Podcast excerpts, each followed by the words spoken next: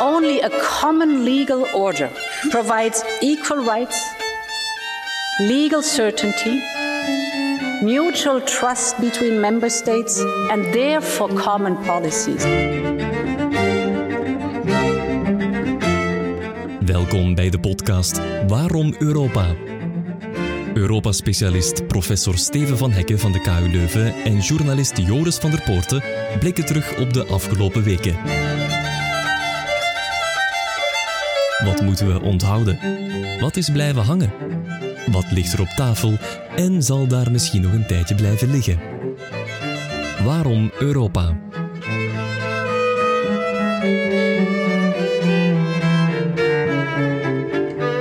Dag Steven. Dag Joris. We blikken terug op de afgelopen maand. De staatshoofden en regeringsleiders hebben in de Europese Raad twee keer vergaderd. De brexit raakt maar niet verteerd omdat de Britten het Noord-Ierland-protocol in vraag stellen. Er is de Poolse kwestie, de energieprijzen en de migratie baren Europa zorgen. En je hebt een boek geschreven over Europa. Je mede-auteur Camille Vermeijlen van Knak is hier ook heel wat te vertellen, toch? Absoluut, geen gebrek aan relevante topics. Steven, deze aflevering begon met een fragment van de tussenkomst van commissievoorzitter von der In het Europees Parlement dat zich gebogen heeft over de Poolse kwestie. Die is afgelopen maand volledig ontploft. Nog eens samenvatten, wat is er aan de hand? De kern van de zaak is de vraag welke plaats de Poolse justitie krijgt in die Europese Unie. Enerzijds hebben we al gezien de voorbije jaren dat de Poolse regering aan een soort sloop bezig is van de onafhankelijkheid van de Poolse rechters, waar tegen Europa al verschillende keren is opgetreden en waar heel veel hangende kwesties zijn. Recentelijk is daar nog een nieuwe dimensie aan toegevoegd. Het arrest van het Poolse grondwettelijk hof stelt ook de zogenaamde primoteit in en vraag. Wat betekent dat? De voorrang van Europees recht op nationaal recht. Wanneer er zich conflicten voordoen in domeinen waar de Europese Unie bevoegd is, geldt eigenlijk dat de Europese regelgeving voorrang heeft op de nationale. En nu zeggen die Polen, nee, de Poolse regels moeten voorrang krijgen. Ja, en het arrest is zo vaag dat eigenlijk de Poolse regering dat op elk moment kan inroepen. Dus dat betekent eigenlijk het einde van de toepassing van het Europees recht, of kan het einde betekenen van de toepassing van het Europees recht in Polen. En bovendien betwist ze ook dat het Hof van Justitie van de Europese Unie de ultieme scheidsrechter is als er zich conflicten zouden voordoen. Ja, je zou dan denken, in de betere Europese traditie wordt dan overleg gepleegd met vallen opstaan, maar wel met de bedoeling om tot een oplossing te komen. Nu, de Poolse premier die leek tijdens een toespraak in het Europees Parlement vooral olie op het vuur te gieten. Is een compromis veraf? Ik denk het wel, want dat er de laatste weken natuurlijk een soort opbod is geweest aan beide zijden. Anderzijds is er ook al heel veel tijd voorbij gegaan met dialogen. Uh, bondskanselier Merkel heeft er weliswaar nog voor gepleit en ook verschillende lidstaten pleiten daarvoor. Anderzijds zijn er ook heel vele van mening dat er een aantal rode lijnen echt uh, overschreden zijn. En dat het dus zaak is om uh, de Polen duidelijk te maken waar het op staat en dat ze moeten kiezen. Ofwel maken ze deel uit van de Europese Unie en dan moeten ze de regels volgen. Ofwel vinden ze die regels niet oké en dan moeten ze daar ook hun conclusies uit trekken. Ook de staatshoofden en regeringsleiders hebben tijdens de Europese top, derde week van oktober, over Polen gebabbeld. Op een al bij al vrij rustige manier, zei de Belgische premier Alexander de Croo na afloop. Ik vind een, een serene toon, maar wel een zeer duidelijke. Uiteindelijk um, hebben zeer, zeer veel landen uh, tussengekomen en heel duidelijk gemaakt waarom dat nu zo belangrijk is. En, en mijn tussenkomst sloeg eigenlijk vooral op het feit dat het een kwestie van vertrouwen is. Als we binnen Europa willen kunnen blijven functioneren, dan moet er volledig vertrouwen kunnen zijn in mekaars uh, rechtssysteem. En dan moet je de absolute garantie hebben dat de rechtssystemen dat die volledig onafhankelijk kunnen, uh, kunnen werken. En dan moet je aanvaarden dat je een Europees Hof van Justitie hebt. Ja, het was misschien wel een serene toon. Maar met die toon is die beslissing van het eh, grondwettelijk hof in Polen niet ongedaan gemaakt natuurlijk. In wiens kamp ligt de bal nu? Van de Polen, van de commissie, van het hof in Luxemburg? Ik denk dat de bal in meerdere kampen ligt. In de eerste plaats zeker in die van de regering in Warschau. Want de vraag is natuurlijk welke houding zij de komende weken en maanden zal aannemen. Zal ze de zaak verder op de spits drijven of toch trachten in te binden en zich uh, mogelijk schikken naar allerlei zaken die de commissie van hen wil en het Hof. Maar de bal ligt ook zowel in het Hof als bij de commissie. Het Hof moet zich nog uitspreken over het zogenaamde rule of law mechanism, uh, namelijk de vraag of uh, schendingen van de rechtsstaat mogelijk tot financiële sancties kunnen leiden. En daar wacht de Europese Commissie op. Tegelijk is er de druk vanuit het parlement ten aanzien van de commissie om ook nu al zaken te starten en ten aanzien van Polen, omdat ze zo flagrant eigenlijk de basisregels van de Europese Unie aanvallen.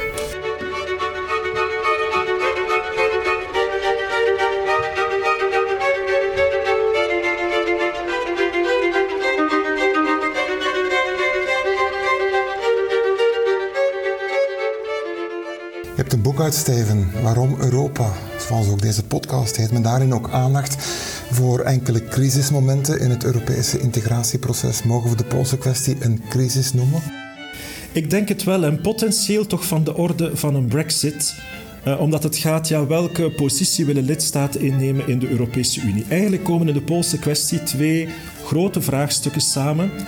Uh, die ook de meest recente uitdagingen zijn geweest van de Europese Unie. Enerzijds de uitbreiding en hoe verteert eigenlijk de Europese Unie het feit dat er op zeer korte termijn heel veel lidstaten zijn toegetreden die misschien nog niet definitief een plaats hebben gevonden in de Europese Unie. Uh, met heel veel wantrouwen over en weer tussen Oost en West. Dat hebben we trouwens ook gezien in de migratiecrisis. Anderzijds komt hier ook natuurlijk het politieke Europa uh, naar voren. De Europese Unie is vandaag de dag al lang niet meer alleen een interne markt. Sinds het verdrag van Maastricht gaat het om een soort uh, politiek systeem waarbij de lidstaten moeten bereid zijn om nationale soevereiniteit op te geven in een aantal cruciale domeinen. En bestaat, daar bestaat nog weerstand tegen, hè, met name vanuit Polen.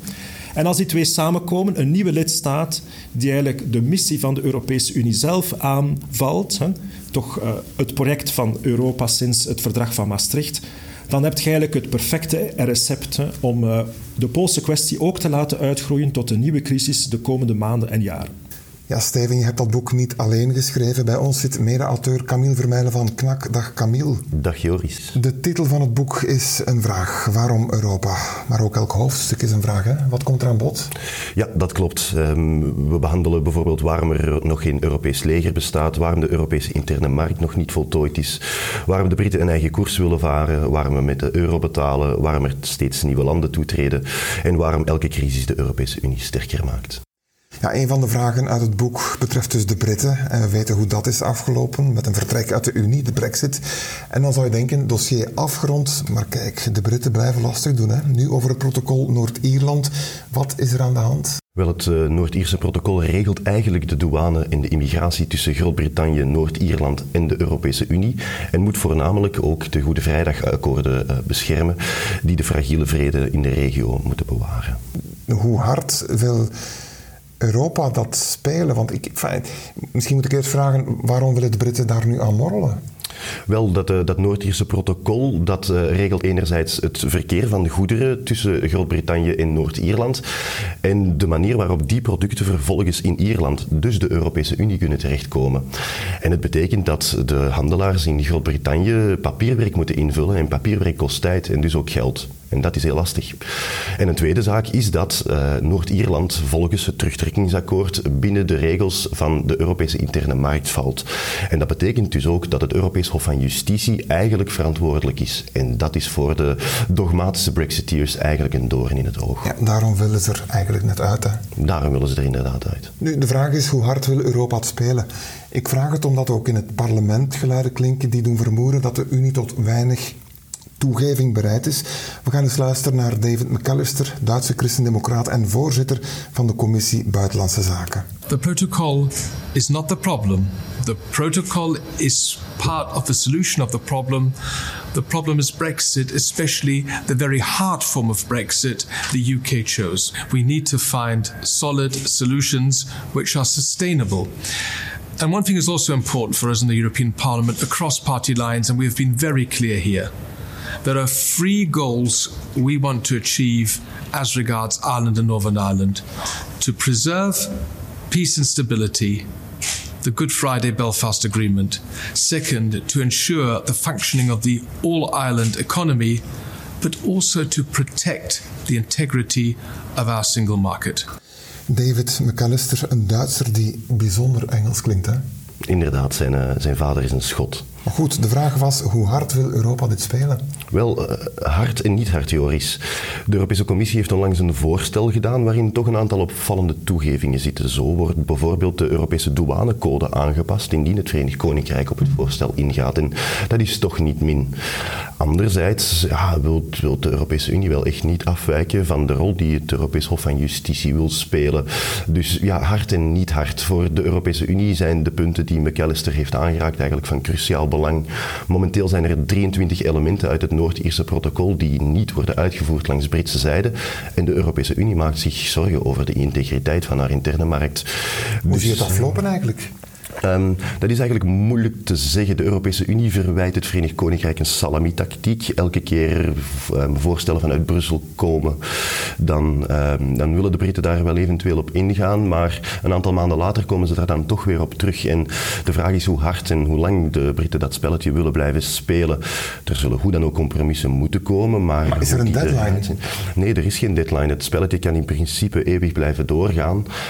het is wel zo dat er binnen een aantal jaren stemming volgen, um, een, een, referendum zeg maar, in Noord-Ierland. En dan kunnen de Noord-Ieren zelf oordelen of ze dat Noord-Ierse protocol eigenlijk kunnen smaken of niet.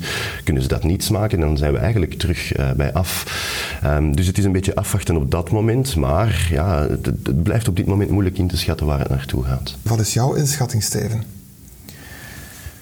Ik denk dat ook de Brexit nog altijd een heel moeilijke kwestie is, omdat er natuurlijk, wat we toen al wisten bij de zogenaamde Brexit-deal, heel wat open eindjes zijn. Eigenlijk blijft het eh, van op een afstand bekeken een onoplosbare probleem, de Noord-Ierse kwestie, waarvan de Britten vinden dat die integraal moet deel uitmaken van de Britse markt.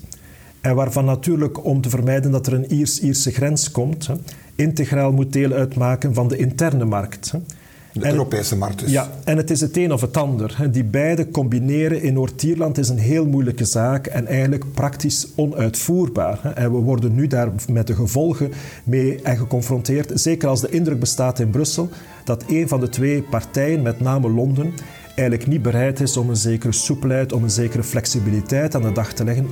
Zij hebben het duidelijk niet verteerd dat Noord-Ierland een speciale status heeft binnen de Europese Unie en dat men daardoor vanuit Londen geen volledige controle heeft op de havens, op de goederen.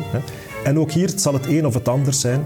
Um, men zal daar toch eh, op een bepaalde manier uh, moeten trachten een uitkomst te vinden.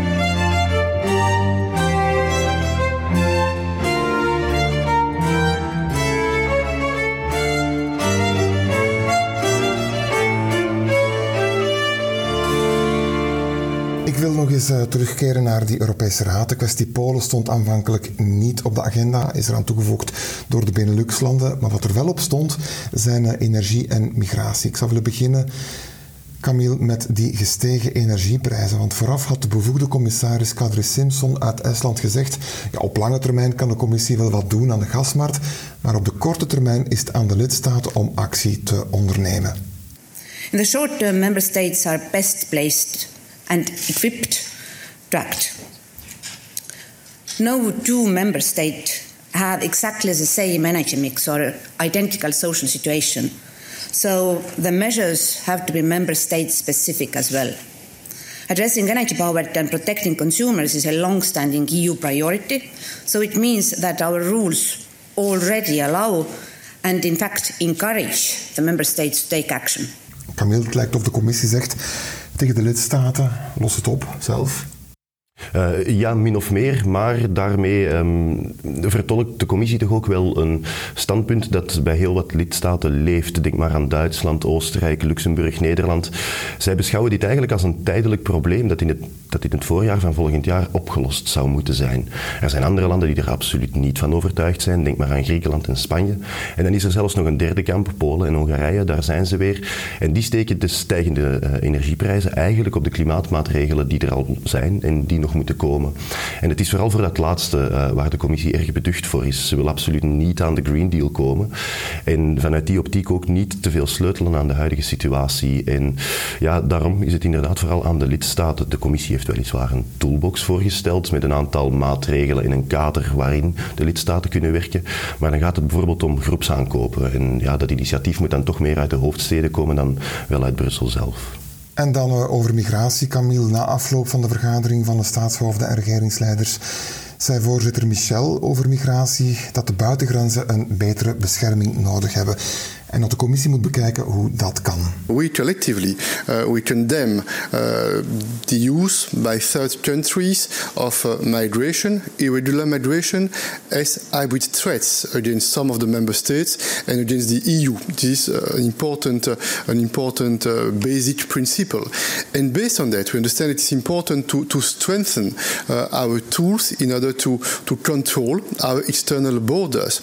And we decided to propose to the to the Commission uh, to uh, uh, look at different options in order to, to, to, strengthen the concrete, the concrete support that we can deliver to the countries when they are at the front line, when they are protecting the external borders.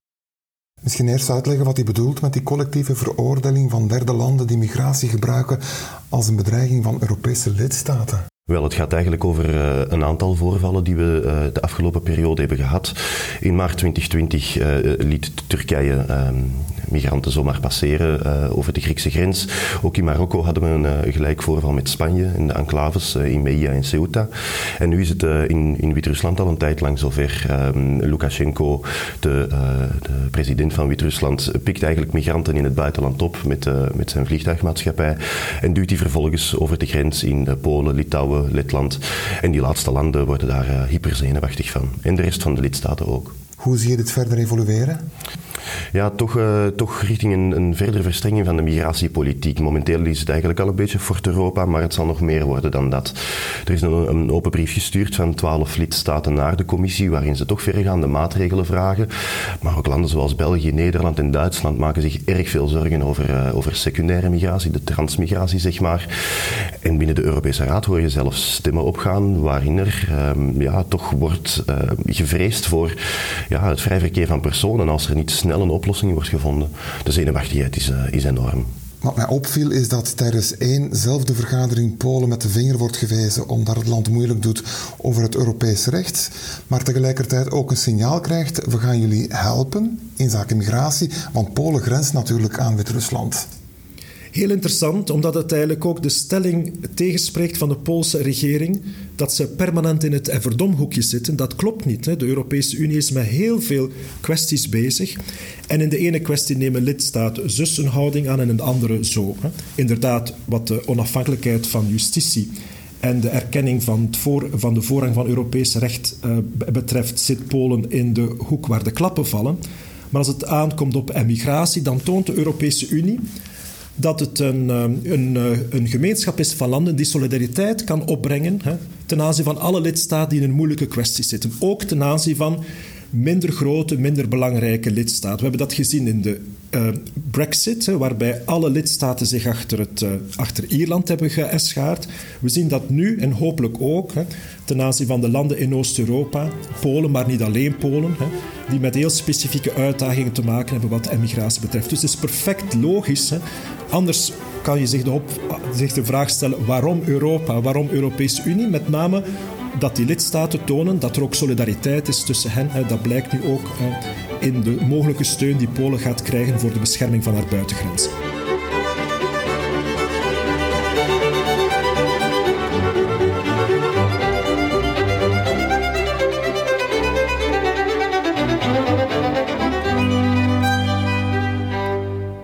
Camille Vermeilen, jij volgt voor KNAK ook Duitsland. Dit waren wellicht de laatste Europese vergaderingen met Angela Merkel. Wellicht, ja. En wat mogen we op het Europese toneel verwachten van haar vermoedelijke opvolger, de socialist Olaf Scholz? Wel, wat het precies wordt, dat blijft nog een beetje afwachten, want de onderhandelingen lopen volop. Er zijn een 22-tal werkgroepen met maar liefst 300 mensen die momenteel bezig zijn. Maar is er wel een startnota en die startnota geeft toch enkele krijtlijnen aan. Zoals bijvoorbeeld de schuldenrem, die uh, grondwettelijk verankerd zal blijven. In 2022 is die wegens corona nog uitgeschakeld, maar nadien komt die terug in zwang. En dat heeft wel enkele gevolgen op het Europese niveau, want gaat die begrotingsdiscipline ook daar blijven gelden? Ja, het is een belangrijke vraag. Ook op vlak van klimaat. Ehm, ja, momenteel is het een erg groene, uh, een, een, zien de plannen er erg groen uit bedoel ik. Ehm, zo willen ze bijvoorbeeld de kolenuitstap van 2038 vervroegen naar 2030 en zou er, althans volgens de groenen, jaarlijks maar liefst 50 miljard moeten worden vrijgemaakt. De vraag is alleen nog, hoe moet dat, hoe moet dat alles worden gefinancierd? En daar lopen de meningen nog ver uit elkaar. En wat mogen we op het Europese toneel verwachten op het vlak van stijl? Um, ik denk dat Scholz niet heel veel zal verschillen uh, van Angela Merkel. Hij is een moderator, hij gebruikt zelden grote woorden. Hij is misschien iets meer aanwezig in media. Um, hij toont zich bijvoorbeeld wat vaker in de kranten en ook in televisiestudio's. Um, maar aanvankelijk zal het voor hem ook wel een beetje zoeken zijn. Hij heeft wel ervaring als minister van Financiën op het Europese toneel. Maar ik verwacht toch een tijdje een overgangsperiode waarin alles een beetje in, in zijn plooi zal moeten vallen. dus ja, het wordt nog een beetje afwachten. Wat zijn jouw verwachtingen? Mijn verwachtingen zijn redelijk laag. Ik denk uh, als Scholz kanselier wordt, uh, dan gaat dat natuurlijk heel veel plaatjes met zich meebrengen en een soort uh, animositeit, omdat er natuurlijk een element van vernieuwing is. Maar uh, dat hij dan kanselier is in de plaats van Merkel, dat lijkt mij niet de grote uh, verandering te zijn. De vraag is welke soort beleidsopties die uh, nieuwe regering zal nemen en hoe zal zich dat vertalen in de standpunten van de lidstaten. Daar kijk ik naar de strijd tegen de klimaatopwarming, waar we mogen verwachten dat Duitsland daar een meer felle houding zal aannemen als het van de Groenen zal afhangen. En ik kijk ook in de komende weken en maanden naar wie de minister van Financiën zal worden in Duitsland, want dat is natuurlijk ook iets wat op ons af zit komen. Hoe gaan we die begrotingsdiscipline toch min of meer uh, organiseren? We kunnen niet terug naar de periode van besparingen, austerity, maar het huidige beleid kan ook niet voortgezet worden. Duitsland zal daar een cruciale rol in spelen en het is dus ook vanuit dat standpunt uitkijken naar die nieuwe Duitse regering. Oké, bedankt voor dit gesprek Steven van Hekke, Europa-specialist aan de KU Leuven en Camille Vermeilen, journalist bij KNAK en u beste luisteraar bedankt om deze podcast te beluisteren. Volgende maand zijn we opnieuw, dan blikken we terug op wat er gebeurd is in november. Tot dan.